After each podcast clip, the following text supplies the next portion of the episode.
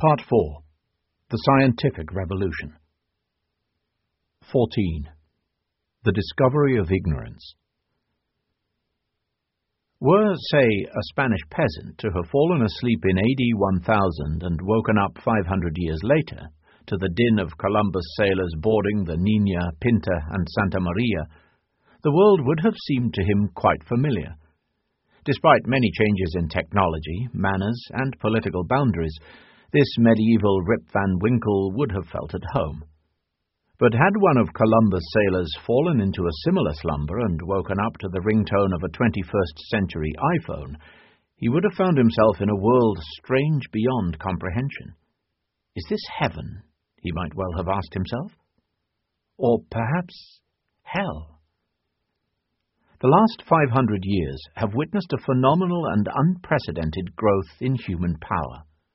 In the year 1500, there were about 500 million Homo sapiens in the entire world. Today, there are 7 billion.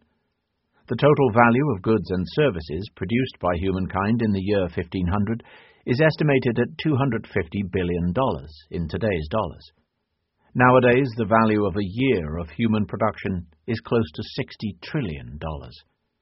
In 1500, humanity consumed about 13 trillion calories of energy per day.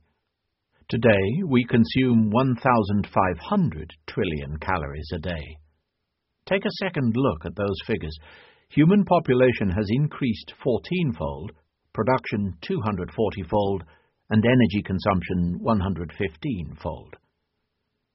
Suppose a single modern battleship got transported back to Columbus time. In a matter of seconds, it could make driftwood out of the Nina, Pinta, and Santa Maria, and then sink the navies of every great world power of the time without sustaining a scratch. Five modern freighters could have taken on board all the cargo borne by the whole world's merchant fleets. A modern computer could easily store every word and number in all the codex books and scrolls in every single medieval library with room to spare. Any large bank today holds more money than all the world's pre-modern kingdoms put together. In 1500, few cities had more than 100,000 inhabitants. Most buildings were constructed of mud, wood, and straw. A three-story building was a skyscraper. The streets were rutted dirt tracks, dusty in summer and muddy in winter, plied by pedestrians, horses, goats, chickens, and a few carts. The most common urban noises were human and animal voices, along with the occasional hammer and saw. At sunset, the cityscape went black, with only an occasional candle or torch flickering in the gloom. If an inhabitant of such a city could see modern Tokyo, New York, or Mumbai, what would she think? Prior to the 16th century, no human had circumnavigated the earth. This changed in 1522, when Magellan's expedition returned to Spain after a journey of 44,000 miles. It took three years and cost the lives of almost all the crew members, Magellan included. In 1873, Jules Verne could imagine that Phileas Fogg, a wealthy British adventurer, might just be able to make it around the world in 80 days. Today, anyone with a middle class income can safely and easily circumnavigate the globe in just 48 hours. In 1500, humans were confined to the Earth's surface. They could build towers and climb mountains, but the sky was reserved for birds, angels, and deities. On 20 July 1969, humans landed on the moon. This was not merely a historical achievement, but an evolutionary and even cosmic feat. During the previous four billion years of evolution, no organism managed even to leave the Earth's atmosphere, and certainly none left a foot or tentacle print on the moon. For most of history, humans knew nothing about 99.99% of the organisms on the planet, namely the microorganisms. This was not because they were of no concern to us. Each of us bears billions of one-celled creatures within us, and not just as free riders. They are our best friends and deadliest enemies. Some of them digest our food and clean our guts, while others cause illnesses and epidemics. Yet it was only in 1674 that a human eye first saw a microorganism, when Anton van Leeuwenhoek took a peek through his homemade microscope and was startled to see an entire world of tiny creatures milling about in a drop of water. During the subsequent 300 years, humans have made the acquaintance of a huge number of microscopic species. We've managed to defeat most of the deadliest contagious diseases they cause, and have harnessed microorganisms in the service of medicine and industry. Today we engineer bacteria to produce medications, manufacture biofuel, and kill parasites. But the single most remarkable and defining moment of the past 500 years came at 052945 on 16 July 1945. At that precise second, American scientists detonated the first atomic bomb at Alamogordo, New Mexico. From that point onward, humankind had the capability not only to change the course of history, but to end it. The historical process that led to Alamogordo and to the moon is known as the scientific revolution. During this revolution, humankind has obtained enormous new powers by investing resources in scientific research. It is a revolution because, until about AD 1500, humans the world over doubted their ability to obtain new medical, military, and economic powers. While government and wealthy patrons allocated funds to education and scholarship, the aim was, in general, to preserve existing capabilities rather than acquire new ones. The typical pre-modern ruler gave money to priests, philosophers, and poets in the hope that they would legitimize his rule and maintain the social order. He did not expect them to discover new medications, invent new weapons, or stimulate economic growth. During the last five centuries, humans increasingly came to believe that they could increase their capabilities by investing in scientific research. This wasn't just blind faith it was repeatedly proven empirically. The more proofs there were, the more resources wealthy people and governments were willing to put into science. We would never have been able to walk on the moon, engineer microorganisms, and split the atom without such investments. The US government, for example, has in recent decades allocated billions of dollars to the study of nuclear physics. The knowledge produced by this research has made possible the construction of nuclear power stations, which provide cheap electricity for American industries, which pay taxes to the U.S. government, which uses some of these taxes to finance further research in nuclear physics. Why did modern humans develop a growing belief in their ability to obtain new powers through research? What forged the bond between science, politics, and economics? This chapter looks at the unique nature of modern science in order to provide part of the answer. The next two chapters examine the formation of the alliance between science, the European empires, and the economics of capitalism. Ignoramus Humans have sought to understand the universe at least since the cognitive revolution. Our ancestors put a great deal of time and effort into trying to discover the rules that govern the natural world. But modern science differs from all previous traditions of knowledge in three critical ways. A. The willingness to admit ignorance. Modern science is based on the Latin injunction ignoramus, we do not know. It assumes that we don't know everything. Even more critically, it accepts that the things that we think we know could be proven wrong as we gain more knowledge. No concept, idea, or theory is sacred and beyond challenge. B. The centrality of observation and mathematics. Having admitted ignorance, modern science aims to obtain new knowledge.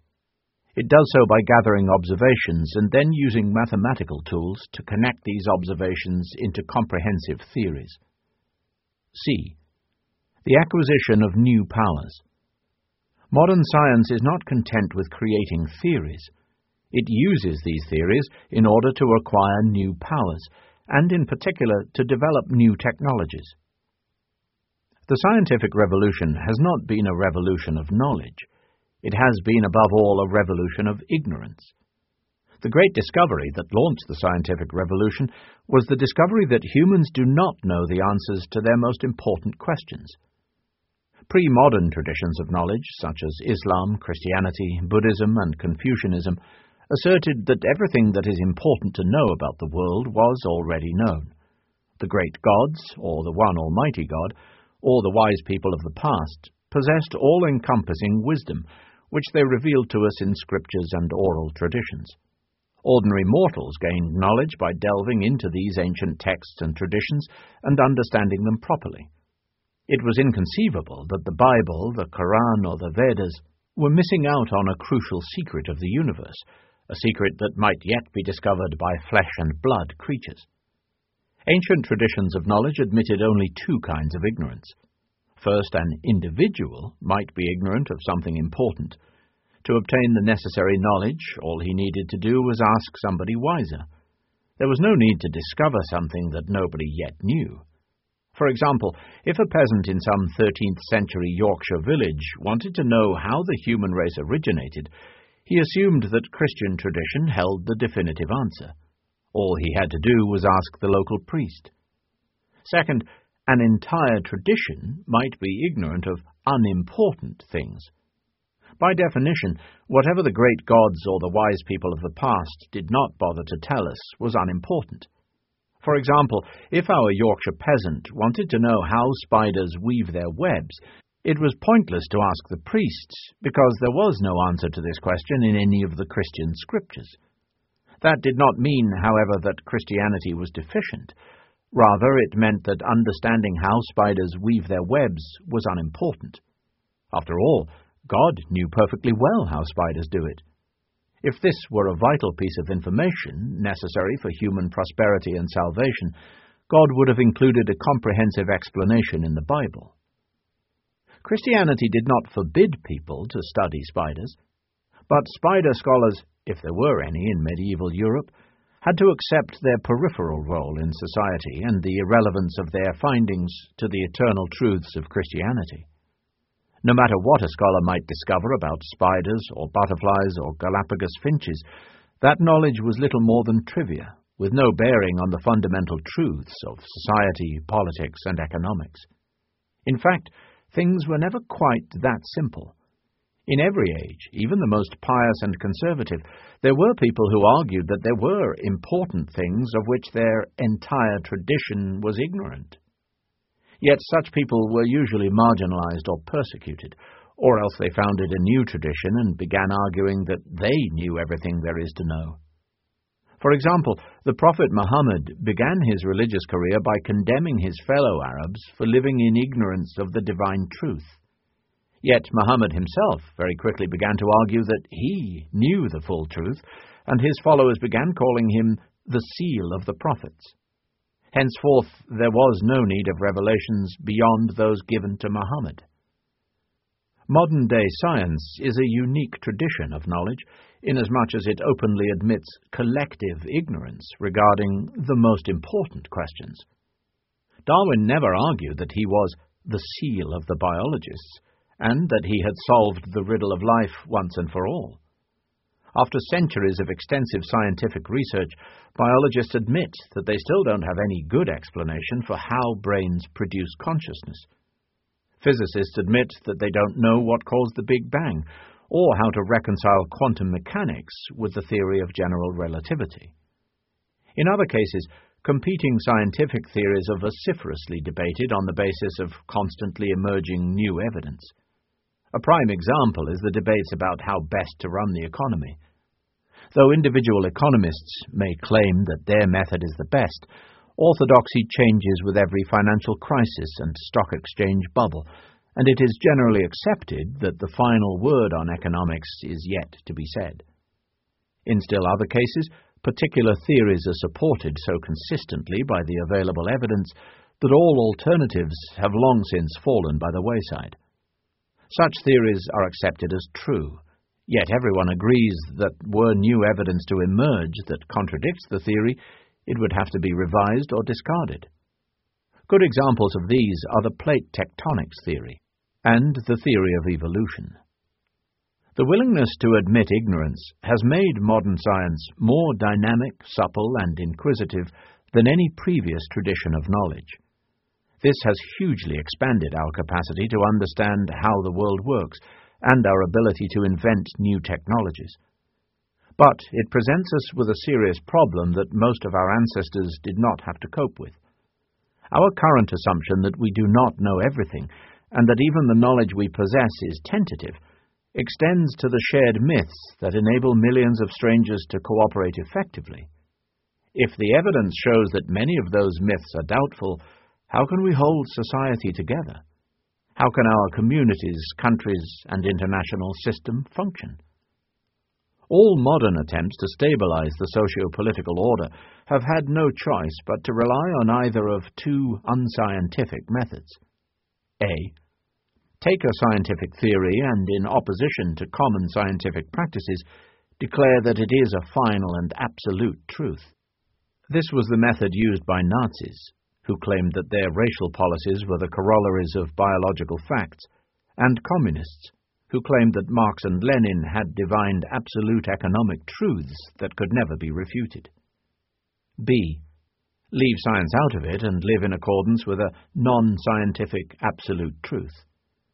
This has been the strategy of liberal humanism, which is built on a dogmatic belief in the unique worth and rights of human beings, a doctrine which has embarrassingly little in common with the scientific study of Homo sapiens. But that shouldn't surprise us. Even science itself has to rely on religious and ideological beliefs to justify and finance its research.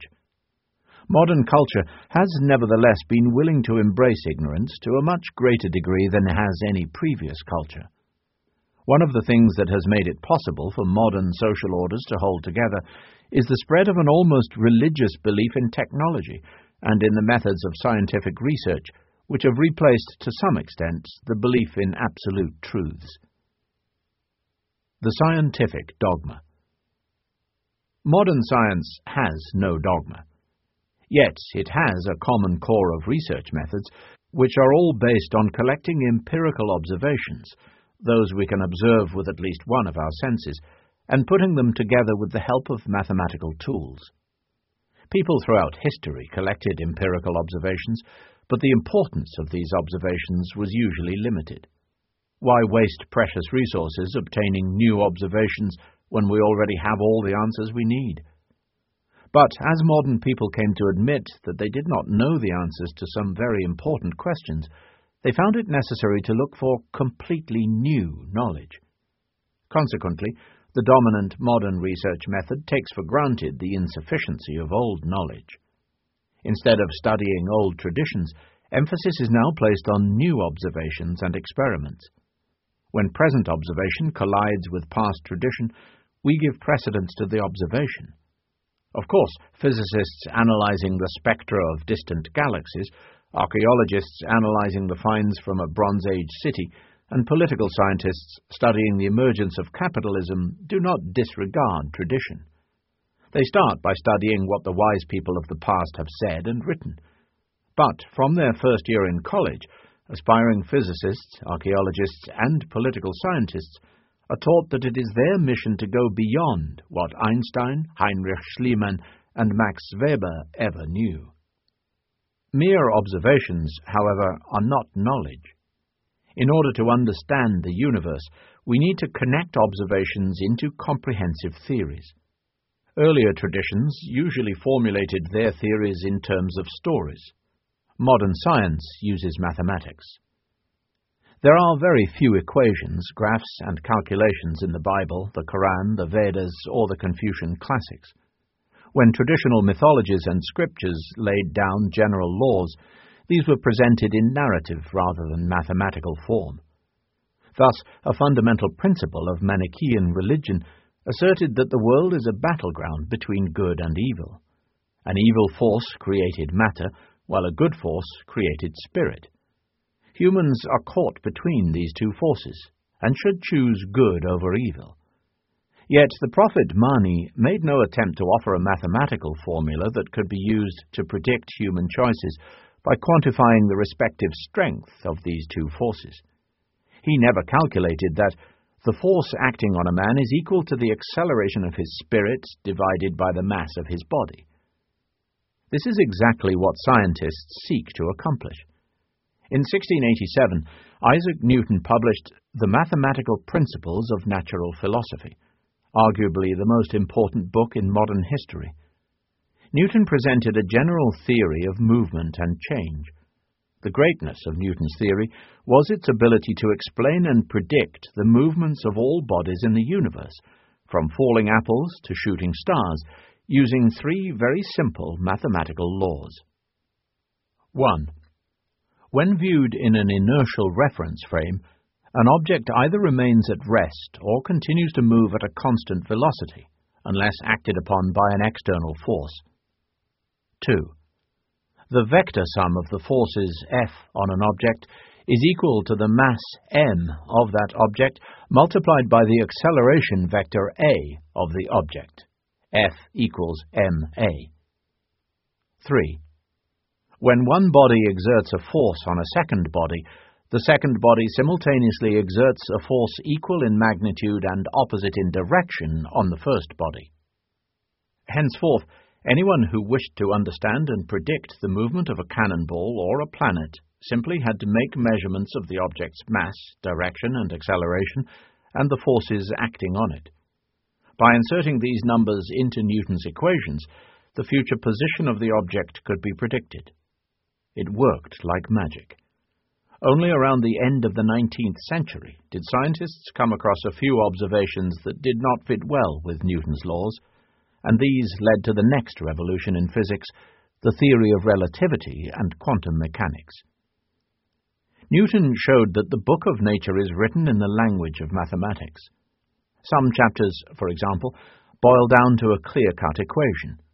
But scholars who attempted to reduce biology, economics, and psychology to neat Newtonian equations have discovered that these fields have a level of complexity that makes such an aspiration futile. This did not mean, however, that they gave up on mathematics.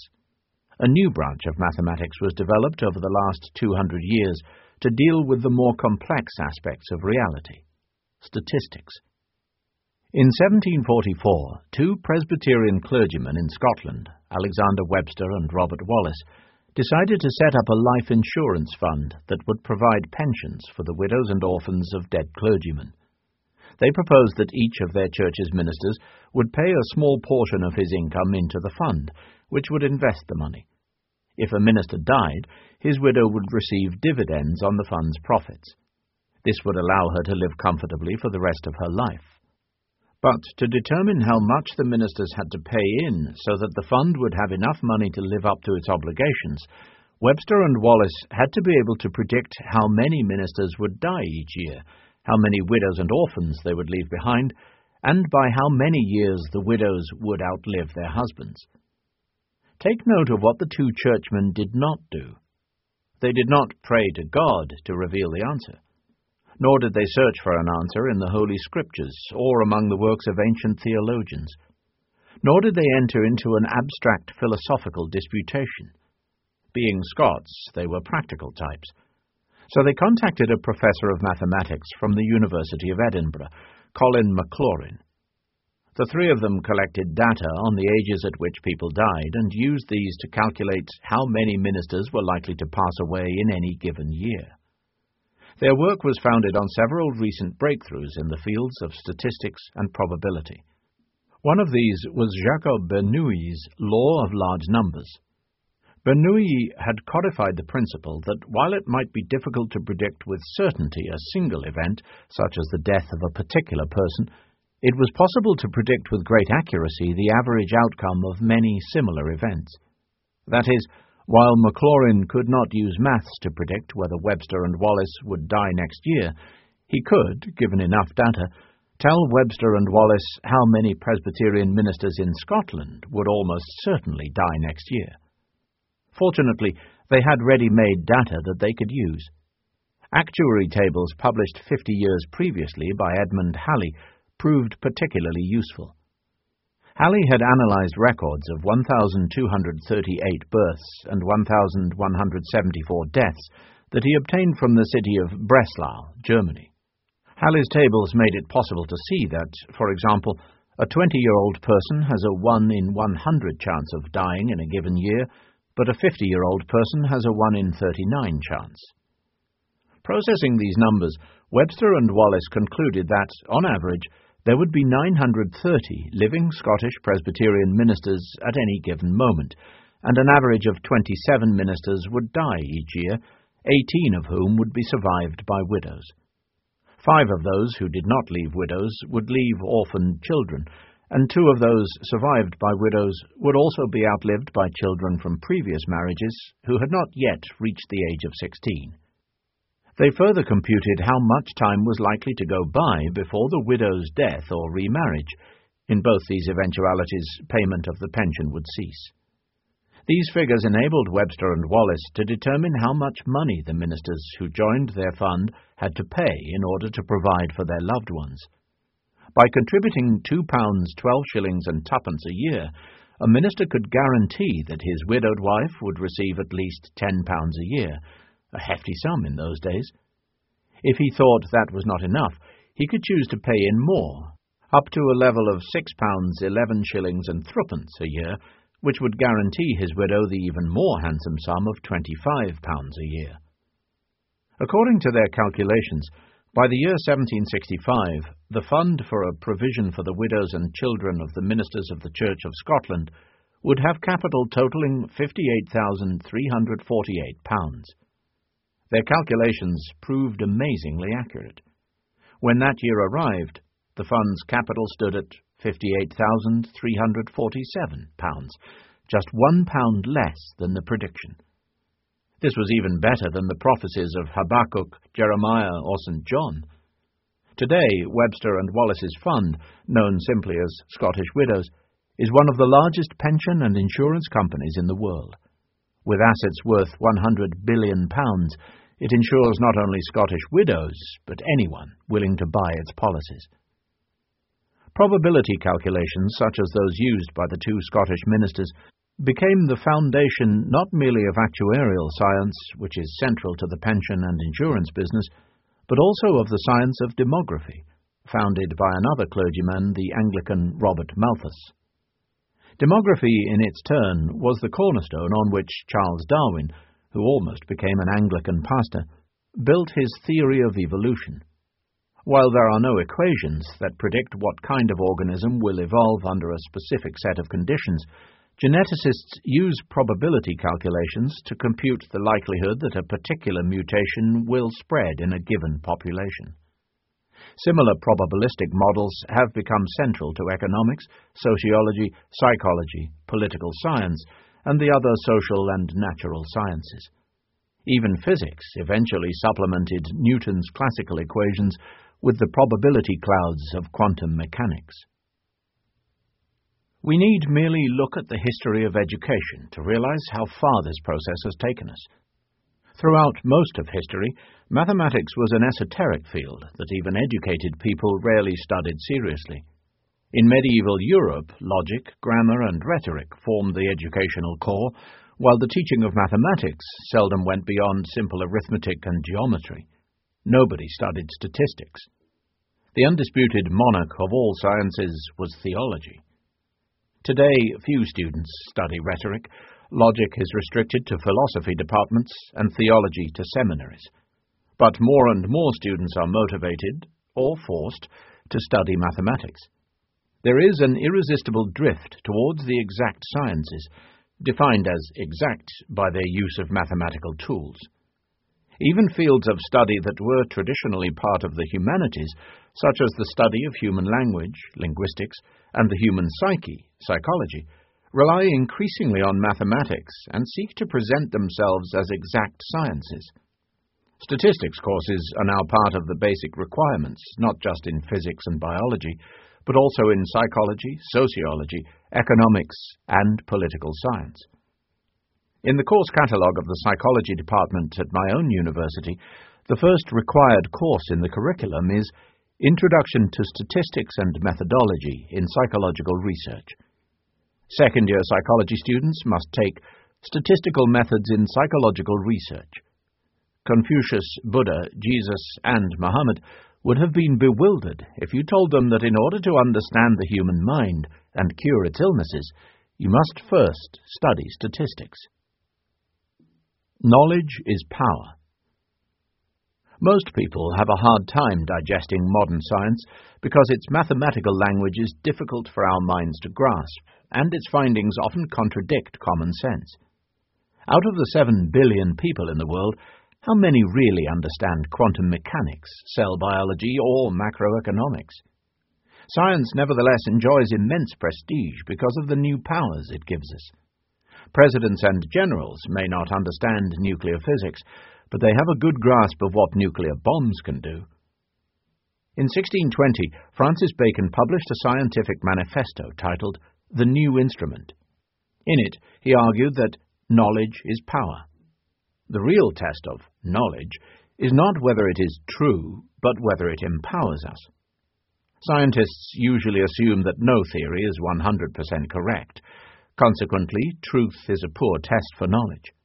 The real test is utility. A theory that enables us to do new things constitutes knowledge.